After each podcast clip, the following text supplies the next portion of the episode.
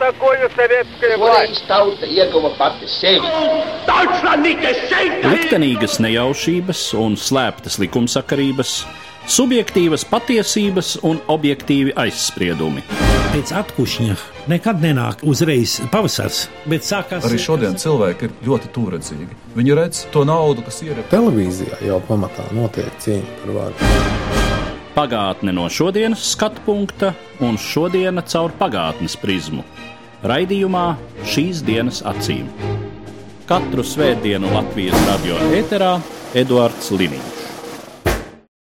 Labdien, cienījamie klausītāji!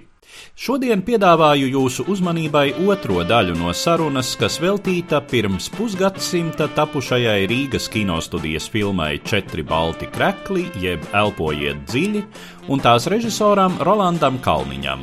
Sarunas pirmā daļa izskanēja pagājušo svētdienu, 13. augustā. Manas sarunbiedres studijā ir kinozinātnieces Kristīne Matīsa un Dita Rietuma un teātra zinātniece Ieva Struka.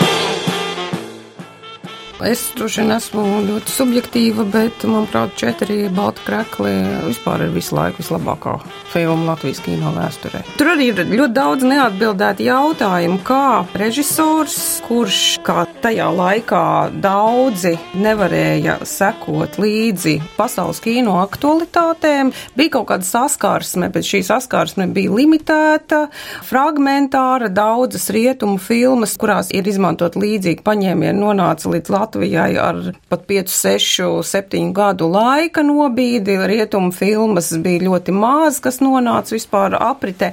Kā šie kino cilvēki, kur, protams, bija mazliet vairāk izredzēti, jo viņiem bija īpaši seansi, viņi redzēja mazliet vairāk nekā normālais mirstīgais skatītājs, bet kā viņi uztvēra tik precīzi šo 60. gadu kino estētiku, kas tā kanoniski ir hrestomatizējusies tieši franču kino pieredzē, franču jaunais vilnis. Jo pēc sarunām ar Galniņu kungu es sapratu, ka tajā laikā, kad viņš strādāja pie četriem baltiem krekliem, viņš šīs filmas faktiski nebija redzējis. Kādā veidā šie strāvojumi, šī izteiksme, šī estētika tomēr ir bijusi tik līdzīga, kas ļauj šo filmu salīdzināt ar tā laika pasaules kino kontekstiem, avangardiskākajiem kino strāvojumiem. Jo, protams, vispārējais, kas notika Rīgas kino studijā, tā ir tāda ļoti sirsnīga uzticība sociālistiskā realisma kanonam ar lielākiem vai mazākiem tādiem humanizācijas elementiem. Jā, kaut kur blakus dzimst Rīgas poetiskais dokumentālais kino, kas tomēr ienes citu pasaules sajūtu šajā padomju estētikā.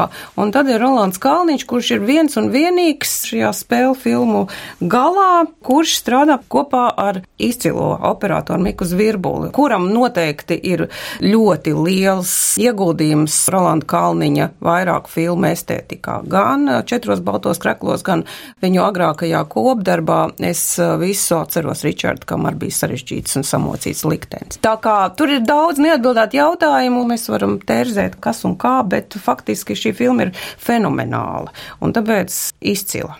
Acīm redzot, te ir jārunā par kaut kādu laikmeta garu, kuru nav varējis aizkavēt būtiski pat dzelzs priekškars. Jo līdzīgi procesi jau notiek arī citās sfērās, visā kultūras dzīvē, politikā, 60. gadu beigas. Tas ir politisks viļņošanās periods ar studentu nemieriem Francijā, ar līdzīgām kustībām Savienotajās valstīs, kā nu kur tas ir iekrāsots. Mm. Ja? Bet nu, arī tā tad padomju telpā. Līdz Prāgai patiesībā. Jā. Tiešām uzreiz ir jāpiesauc tomēr Pētera Petersona imanta ziedoņa motocikls, kas poetiskā teātris pilkta dzimšana, kas saceļ kājās visu Rīgu un kur no reāls nav ne smakas.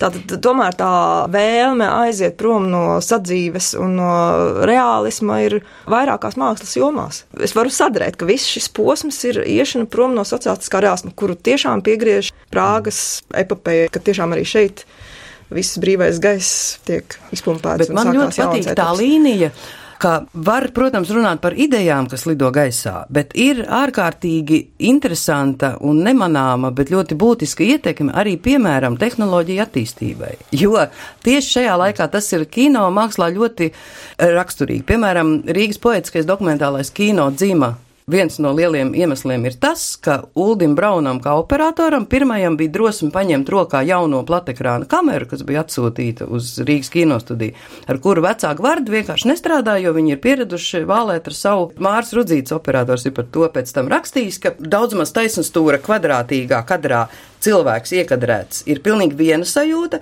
Platekrāna formātā uzreiz no visām pusēm gluži nemanot viņu papildina vide. Šis cilvēks jau burtiski nemainot to, ko viņš runā, vai pat nemainot to, kā operators filmē, fiziski ir pilnīgi cita sajūta uz šo cilvēku skatoties. Vai, piemēram, sinhronā skaņa ieraksts tehnika, kas arī ļoti daudz izdarījusi gan dokumentālajā kino, gan šogad tieši par šo pasaules kontekstu runājot, Doma dārzā bija lieliska programma, trīs franču filmas un beigās krāšņais pirmais fināla akords, četri balti krekli, un tur viena bija franču dokumentālā filma Žana Ruša vienas vasaras kronika, 60. gadā Parīzē filmēts, un tur, piemēram, tā būtība ir, ka šie filmas veidotāji ir daudz tuvāk nonākuši šiem filmas varoņiem, dokumentāliem parīziešiem 60. gada vasarā, tikai tāpēc, ka viņiem ir viegls plecā uzmetams magnetofoniņš ierakstam un maziņš mikrofoniņš. Tāpat, teiksim, Ulda Brauna sadarbība ar Armīnu Leīņu Latvijas kino vēsturē 60. gadu sākumā. Tā vairs nav milzu grabošā kamera ar nenormālu skaņu ierakstu koferiem,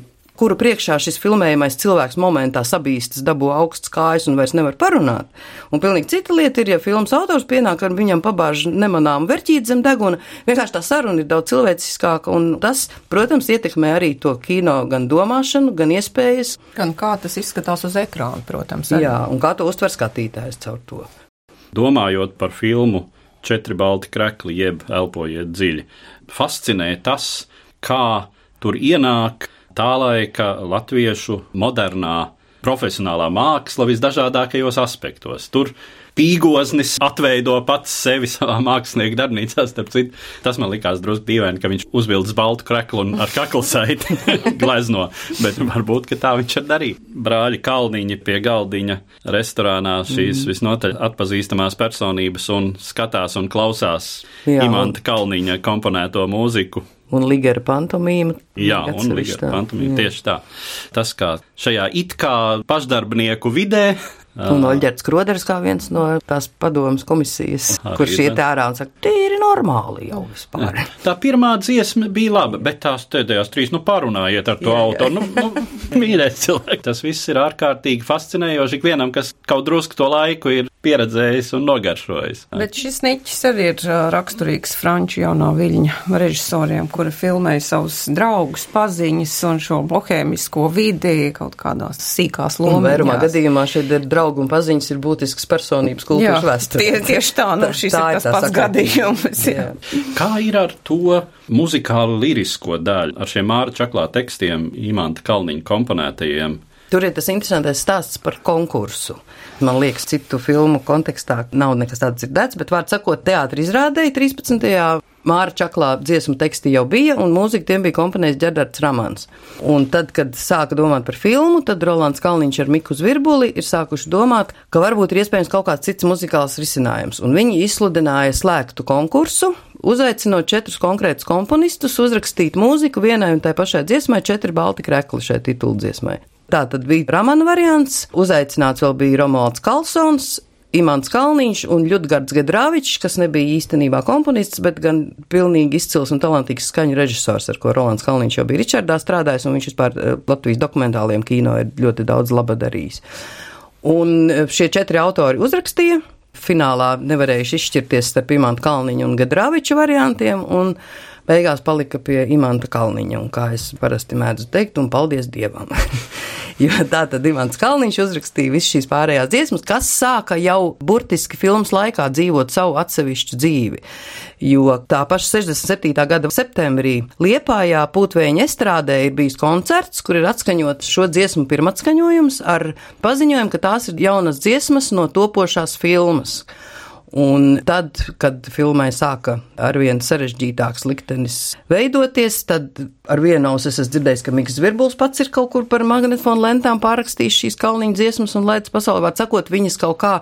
Nu, pat es vēl lasīju tādu teikumu, vai to bija Dairābo. Viņa rakstījis, ka imanta kalniņa dziesmas, protams, nav noturamas ne plauktā, ne koferī, ne, ne skapī, ne kabinetā izslēgtā. Viņas vienkārši pa logiem, pa durvīm ārā un visā Latvijā tiek eh, dziedātas un dzīvo šo savu dzīvi. Kas ir atkal viena tā laika īpatnēja kultūras parādība, dziesmu izplatīšanās lielākoties jā, amatieris kopētās jā, skaņu pa, lentās. Pa pagrīdes ceļiem. Jā. Un kā vēl 80. gados Hardijs Letiņš bija teicis, ka Imanta Galniņa dziesmas joprojām neviens labāk par Paulu Butkeviču nav izpildījis. Un kas ir, starp citu, interesanti, ka, ja mēs pavērojam filmā, Paulam Butkevičam praktiski, manuprāt, vispār nav teksta. Viņa varonis Ralfs, bet mums viņš liekas kā pilnīgi pilnvērtīgs, gandrīz vai ceturtais varonis šajā galveno varoņa kompānijā, tikai tāpēc, ka viņš dzied lielāko daļu šo Imanta Kalniņa dziesmu.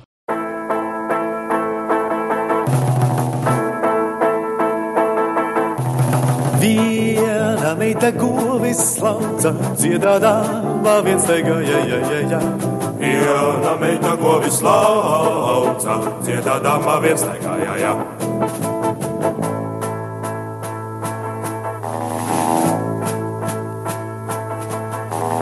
Četras piecas klusēdāmas, piena kannas izmazgāja, ja, ja, ja.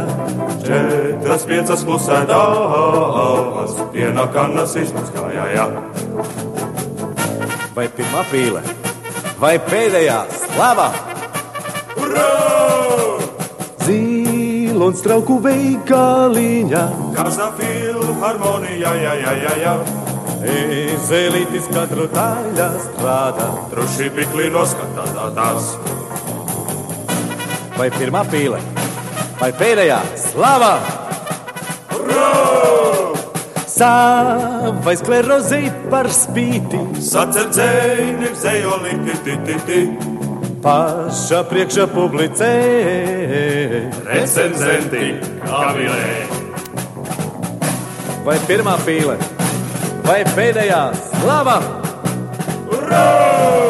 Mīnēs gaismā, tuncis pazīt, tuncis pazīt, kvieciens atskan, kvieciens atskan, pusnaktī, pusnaktī, tip, tip, taiva, prasa, tap, tap, tap, tap, prāda, pecīna, prāda, tip, tip, tip, tip, tip, tip, tip, Tekstus Mārcis Čaklais rakstīja jau priedes lugas iestudējumā. Jā, jā, un turklāt jau lugas tapšanas laikā. Luga vēl nav pabeigta, kad jau top dziesmu teksti, kuriem būtu jābūt tanīs, tanīs un tanīs vietās. Un viens no tekstiem, starp citu, pat ir viena meita govis lauca. Tas pat ir tapis nevis Lugai 13. bet eh, nekad neiestudētajai prieclugai pīle, kas to paralēli kā komēdija, kā dziesmu spēle, un šīs dziesmas vārdi pārceļo brīvi, tā teikt, no vienas lugas uz filmu. À, no kurienes rindas vai pirmā pīle vai Jā. pēdējā? Jā. Tā tad filmēšana tiek pabeigta.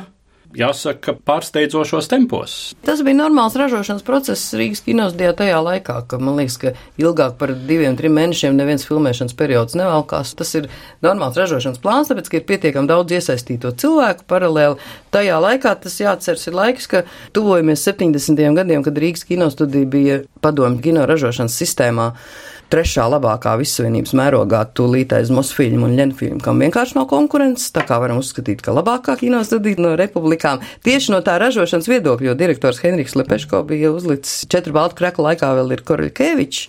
Interesanti, ka ir būtiski nozīme arī šim kinostudijas direktoram kaut kādos filmas likteņos, jo tieši Koroļkevičs bija tas, kurš vienu laiku ļoti pabalstīja. Viņš bija drosmīgs direktors un viņš atbalstīja Rolandu Kalniņu. Gan Koroļkevičs ir tas, kurš, piemēram, pilnīgi jaunajai dokumentālistu kompānijai Aivaram Freimanim, Ivaram Seleckim un ar Hercu Franku un Imantu Ziedoni ļāva taisīt gada reportāžu Latvijas Republikas jubilejas filmu nevis vecajiem ordeņnesējiem no frontes operatoriem. Un tikpat drosmīgs solis bija vispār ļaut Rolandam Kalniņam kārpīties uz priekšu pēc tam, kad jau Ričardam ir gājis tik grūti, un Koroļkevičs ļoti šo filmu aizstāvēja, bet šīs filmas dēļ viņš arī lidoja pēc tam no direktora amata. Un, var sakot, šis ir tāds kārtīgas kino ražošanas laiks, kad Rīgas kinostudijā strādā kādi 800 cilvēki, paralēli tiek uzņemtas 6, 7, 8 spēlfilmas gadā, un normāls ražošanas apstākļos tur jau nav ko vēl garumā. Tīri fiziski ilgāk par pāris mēnešiem viens filmēšanas periods vispār nav nepieciešams, un to līt uz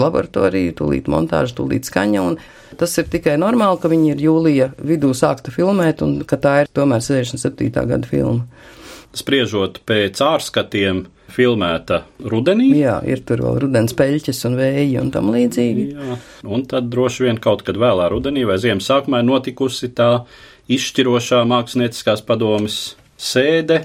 Bet tas nākamais process ir tas, ka vienkārši sakot, Rolands Kalniņš iespītējās. Jo normālā veidā būtu visi pieprasītie labojumi veikti un filma būtu pataisīta un palaista, bet tā kā viņš iespītējās, tad filmai bija tā noklusēšana. Vai ir izpētīts šais protokolos, kas, es domāju, ir saglabājušies? Kas tad tika prasīts? Tad man jāķers pie reklāmas kampaņas. Jo mēs te tāds ļoti nopietns autoru kolektīvs šobrīd rakstām grāmatu par Rolandu Kalniņu un viņa filmām. Un tur mums viss būs izpētīts. Jāsaka, ka gada beigās grāmata būs gatava un ir atsevišķas nodaļas. Ir viena nodaļa, ko, piemēram, raksta vēsturniece Aira Rozensteina par filmu Es visu atceros Ričārdu. Tur ir burtiski pa datumiem, chronoloģijām, viss mākslas padomas protokoli. Kādus labojumus vispār pieprasa? Šobrīd tas izskatās pilnīgi absurdi, jo citējot mākslas padomu protokolu, tur rakstīts, ka zēnu vajag noīsināt, dzidras tūplānu padot tuvāk. Vai cikot šādas pilnīgi nesaprotamas replikas no šiem tobrīd klātesošajiem cilvēkiem, mēs nemaz īsti tā šobrīd nevaram novērtēt, cik būtisks tas ir filmas liktenim, cik liela izšķiršanās tā ir režisoram, nieks un sīkums vai kaut kāds būtisks elements. Tagad visi dokumenti pamatā ir saglabājušies, un Toms Zariņš pēta tieši četru baltu kreklu detalizētu vēsturi, gan interjerus un to vizuālo, un Dita raksta par Rolandu Kalniņu un pasaules kino, un Daira Āboliņa raksta par Rolanda Kalniņa filmu aktieriem. Tā kā mums veidojas Rolanda Kalniņa telpa, kurā tad viss būs uzzināms, arī iespējamie datumi. Jā, bet, protams, lielākās pretenzijas bija pret šo jaunatnes estētiskās komisijas sēdi, kas arī tajā filmas versijā, kura ir pieejama šobrīd, ir jau tādā mazliet pārveidotā versijā, proti tur tiek izmantota gan reaktīvo lidmašīnu trokšņi, lai slāpētu atsevišķus tekstus. Kas arī diezgan frāzes. bezkaunīgs paņēmiens. Jā, ir jau kaut kāds solis pretī kom kompromisiem izdarīts, un tas ir tikai normāli, jo nekā savādāk to nevarēja.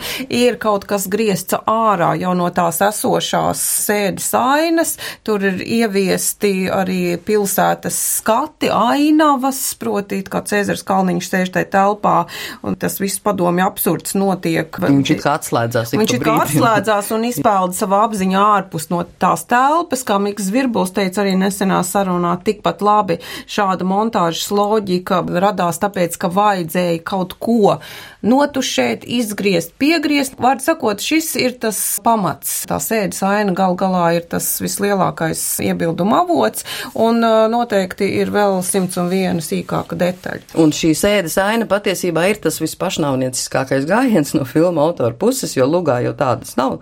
Lūgā tikai tiek atstāstīts, kas šajā sēdē notika, mm. bet viņi ņem un uzglezno pilnīgi burtiski, un pēc tam ir vēl kaut kādas paralēlas, ka viņiem gluži nejauši ir izdevies iekārtojuma ziņā nokopēt kaut kādu centrālu komitejas priekšnieku kabinetu. Un, protams, ka Ļeņina ģīmis pie sienas un māksla piedara tautai uzraksts, protams, tā ir pilnīgi interjera klasika šāda tipa kabinetos, bet arī šis vizuālais papildinājums uzreiz daudz spilgtāku iespaidu rada un kā rakstīja Inga Pērkone, viņi vienkārši pagrieza spoguli pretī šiem filmas pieņēmējiem, visām instancēm, un, protams, ka viņiem bija pretīgi skatīties šajā spogulī.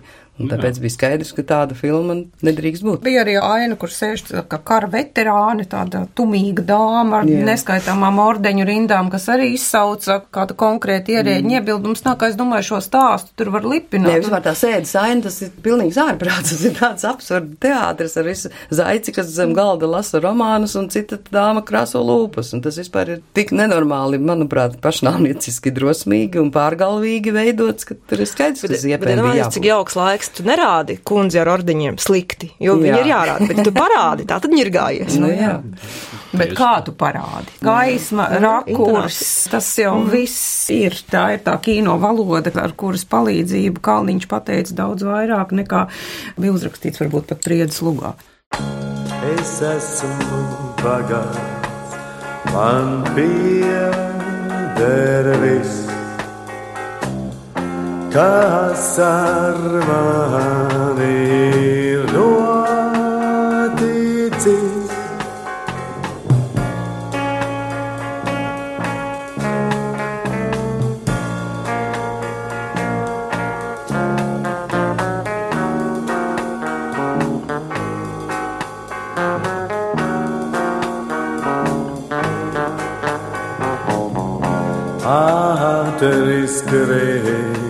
Just Leib ist und das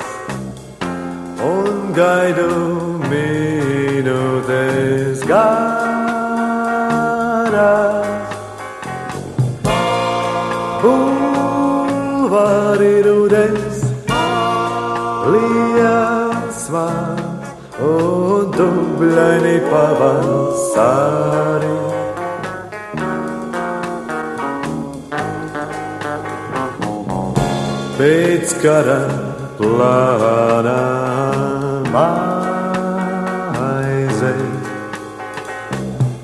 un vēlākais eci gribi.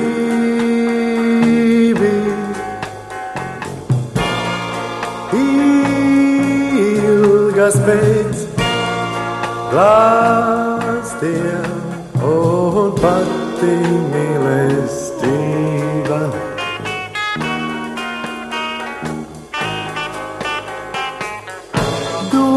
Domas tīras kā krītošs sniegs un pavīdu netīras atklātība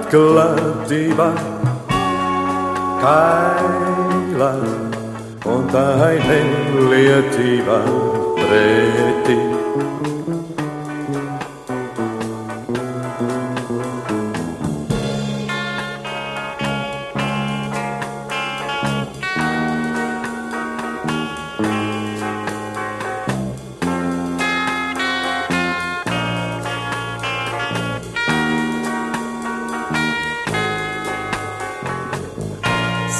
Smaga ir tāda nasta,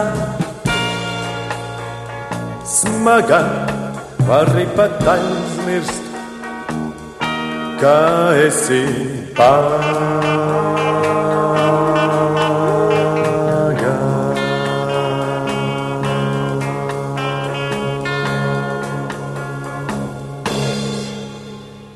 Tas šķiet bija Vladimirs Vainovičs, kurš teica, ka sociālistiskais realisms tā ir glaimošana priekšniecībai formā, kādu tā ir spējīga uztvert. Un te nu no tā bija maz. Te tiešām priekšniecībai tika parādīts spogulis un pat ne īpaši greizs. Un tas attēls nu bija netīkams. Tā tad filma tiek parādīta kaut kur drusku. Es neatceros, kā bija ar televīzijas demonstrējumiem. Tajā laikā nekāda televīzijas demonstrējuma nebija iespējama. Tātad, ja šī filma ir demonstrēta, tad tas ir atmodas laiks, mūsu nesenā vēsture. Un tur rādītājs ir tāds, ka šī filma tika pilnīgi noklusēta, ka 1989. gadā iznākušajā padomju Latvijas kino grāmatā, tāda autora kolektīva grāmata, kas ir tāds 80. gadu beigu rezumējums par Latviju kino vēsturi, un beigās tur ir filmogrāfija, un katrai filmai ir arī bibliogrāfija klāt, kaut kāds recenzijas, avīžu publikācijas un tam līdzīgi. Un filma elpojiet dziļi, tur vēl ar šo nosaukumu figurē, viņai nav vispār nevienas rindiņas klāt šīs bibliogrāfijas. Tas nozīmē, ka par filmu vienkārši netika rakstīts ne avīzēs, nekur. Kas bija tā laika kultūra politikas arī ļoti izplatīta prakse. Jā. Neviens īpaši neaizliedza, teiksim, Anna Sahmatovas vai Boris Pasternaka dzēju, bet tās iznāca uz visu padomju savienību, teiksim, 30 vai 50 tūkstoši tirāžā. Un, Tas ir gigantiski. Tagad uz Krieviju iznāk grāmatas tūkstots eksemplāros dzīves grāmatas. Kā- Laiki ir citi, bet toreiz, kad grāmata bija prestiža, sevišķi deficīta grāmata, kuru katrs gribēja ielikt savā plauktā un no tā vairs neizlaist, tad skaidrs, ka tā literatūra sasniedza nedaudzus. Protams, jo aizliekšana prasa konkrētus soļus, konkrētus dokumentus, konkrētas pavēles un konkrētu atbildības uzņemšanos. Visos šajos cenzūras procesos ļoti būtisks ir tas, ka tas ir tāds izkliedētais process. Tas nav tā, ka viens konkrēts cilvēks nostās filmu un uzņemās atbildību pateikt, ka tur jādara tas un tas. Jo pārsvarā strādā visādas telefonu zvanu sistēmas, ir viedoklis, ka vajadzētu tā un tā. Neviens burtiski ar savu vārdu nav gatavs parakstīt nekādus ieteikumus autoram. Pieļauju tāpēc, ka intelektuālā kapacitāte neļautu argumentēt to visu. Bet vienkārši tā cenzūra notiek slēpto mājienu veidā. Un tāpēc nekāda ļoti precīza dokumentāla chronoloģija arī nav izstrādājama šiem. Kāda ir tās filmas ietekme uz iesaistīto radošās komandas dalībnieku tālāko radošo likteni? Ko viņiem pēc tam ļauj, ko neļauj? Runājot par Gunāru Priedi, par uh, Rolandu Kalniņu, Rolands Kalniņš ir šis interesantais gadījums, arī vienīgais tāds Latvijas kino vēsturē, ka režisors, kuram ir tik daudz mocītu un sistu filmu, ka pirmkārt viņam ļauj strādāt tālāk, un otrkārt viņš pats arī tā kā nemet plinti krūmos, jo tīri chronoloģiski ir tā, ka Pirms četriem baltiem krekliem bija, es visu atceros, Ričards Akmens un Šķembas 66. gadā, 67. gadā ir šī filma, un nākamā Rolanda Kalniņa filma ir Lielais grandiozais ceplis 1972. gadā buržuāziskās sabiedrības kritika, Jā. kuru visi skatījās ar milzīgu baudu uz to, cik jauka un pievilcīga bija šī briesmīgā buržuāziskā realitāte. Mm. Tā kā var sakot, Rolands Kalniņš ir lielisks pierādījums, ka cilvēks un autors var un drīkst sekot saviem principiem un nenodot tos, kā viņš nenodeva šo abu plauktā nolikto filmu gadījumā. Tad ir virsotne ceplis, ar ko it kā viss tiek sakārtots un rehabilitēts, bet tad tūlīt pēc diviem gadiem, 74. gadā, ir pie jūras klimats atkal tāds kārtīgs blieziens pa galvu. Nu jā, Rolands Kalniņš ir cilvēks ar vissarežģītāko likteni, man liekas, Latvijas kino vēsturē. Bet viņš nenoliedzami ir arī visunikālākais liktenis Latvijas kino vēsturē. Tagad es atļaušos nocitēt Miku Zvirbuli, ka zinot to, kas ir Rolands Kalniņš, un zinot to, ka viņam ir nepabeigta vidējā izglītība, viņa ceļš Latvijas kino vienkārši arī ir fenomenāls. Jo principā Rolands Kalniņš ir savā 95 gadu vecumā, ko mēs šogad rūpīgi svinām ik pa laikam viņa 95. jubileju. Rolands Kalniņš savā 95 gadu vecumā ir reāli un fiziski bijis klāt pilnīgi visai pēckara Latvijas kino vēsturē, jo 1947. gadā, kā viņš sāka pie filmas Rainis stāvēt klāt, tā viņš ir bijis visur, visu laiku. Noslēdzot mūsu sarunu, cik šī filma ir aktuāla šodien, jūsuprāt? Vai tas ir tikai interesants antikvārs priekšmets, vai tomēr varbūt ne? Nu, man liekas, ka pirmā un galvenā liecība ir, ka tad, kad bija restaurētās filmas kopijas četru baltu kreklu seanses Doma dārzā, nu pat 27. jūlijā, tad tas bija līdzšinējo sešu gadu rekords Doma dārza kino seanses laikā, kad tur bija vairāk nekā 400 skatītāju. Sēdēja ne tikai uz soliem, bet uz visām akmens maliņām, un kur vien iespējams doma dārzā sasēsties, un tā bija tāda baigi lieliskā sajūta. Un, protams, ka puse auditorijas dziedāja līdz visām dziesmām, un kaut kas tur ir dzīves, un tur bija jaunieši un bērni ratiņos, un viss kaut kas tāds, man liekas, labāk liecība nevar iedomāties par to, ka filma ir dzīva. Izcils filmas, kino vēstures vienības ir mūžam dzīves, daudz dzīvāks nekā varbūt dažs labs 21. gadsimta izstrādājums. Es gribētu piebilst, ka šī sēdes aina no Rolanda Kalniņa Elpojiet dziļi parādījās kā video komentārs sociālajos tīklos, kad samērā nesenā pagātnē tika komentēti mūsu saimas pieņemtie likumības grozījumi nu, un ar to saistītās dažu skolotāju vajāšanas par nepareizu dzējoļu analīzi klasē. Tas arī, manuprāt, apliecina šīs filmas aktualitāti, iespējams, mūžīgumu. Līdz ar to es arī noslēdzu mūsu šodienas sarunu, kas bija veltīta Rolanda Kalniņa filmai Četri balti krekli, jeb Elpojiet dziļi, un saku paldies manām sarunbiedrēm teātris zinātniecei Ievai Strukai un kinozinātniecēm Ditai Rietumai un Kristīnai Matīsai. Katru svētdienu Latvijas radio viens par pagātni sarunājas Eduards Līniju.